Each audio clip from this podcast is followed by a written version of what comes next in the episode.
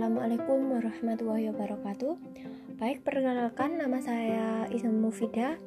Saya dari kelas D32A, NIM 18118. Baik, di sini saya akan menjelaskan tentang penelitian eksperimental sungguhan. Penelitian yang secara penuh mengontrol semua faktor yang kemungkinan mengganggu validitas internal sehingga hal ini dapat memberikan kemantapan hasil yang dicapai sebagai efek perlakuan. Yang bertujuan untuk menyelidiki kemungkinan saling berhubungan dengan sebab akibat dengan cara mengenakan kejadian acak pada lebih dari satu grup yang khusus diciptakan untuk eksperimen dengan satu atau lebih kelompok kontrol yang tidak dikenai kondisi perlakuan itu.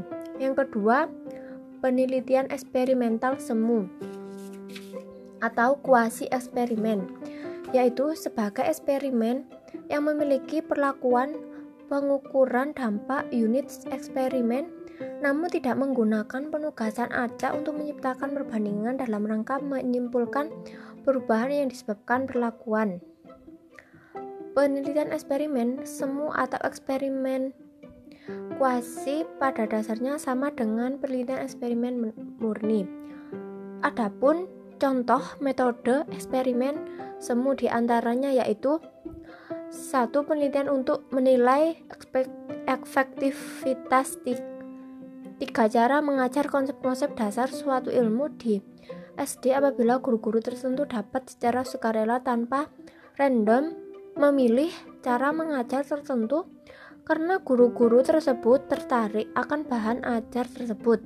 Yang kedua, dilakukan penelitian untuk mencapai untuk mencari pengaruh perlakuan senam lagi terhadap derajat kesehatan yang bertujuan untuk mengetahui pengertian dari eksperimen semu atau kuasi eksperimen.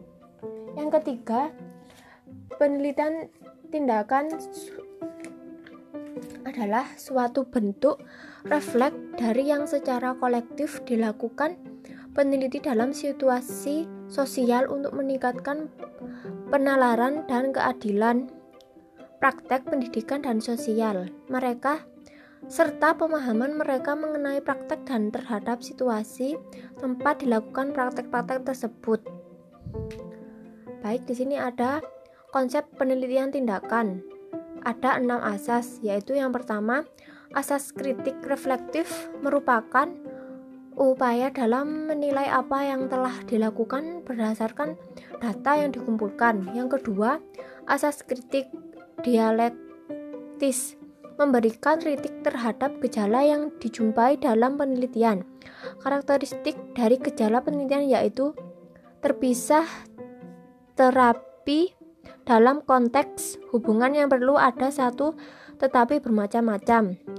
Yang ketiga, asas sumber daya kolaboratif. Sudut pandang setiap orang akan dianggap memberikan andil kepada pemahaman. Yang keempat, asas risiko. Keberanian peneliti untuk mengambil risiko itu misalnya prediksi-prediksi penelitian yang tidak tepat sehingga ada tuntunan untuk melakukan transformasi. Yang kelima, asas struktur majemu berhubungan dengan sifat penelitian tindakan yaitu dialektif, refleksif, dan kolaboratif.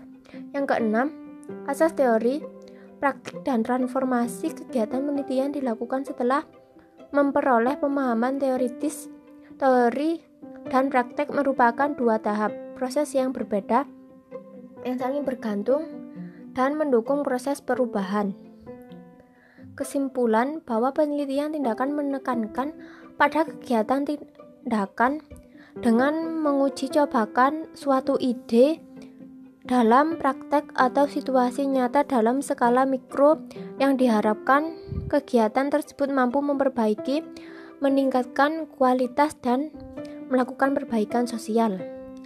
Baik, apabila ada salah kata, saya mo mohon maaf. Wassalamualaikum warahmatullahi wabarakatuh.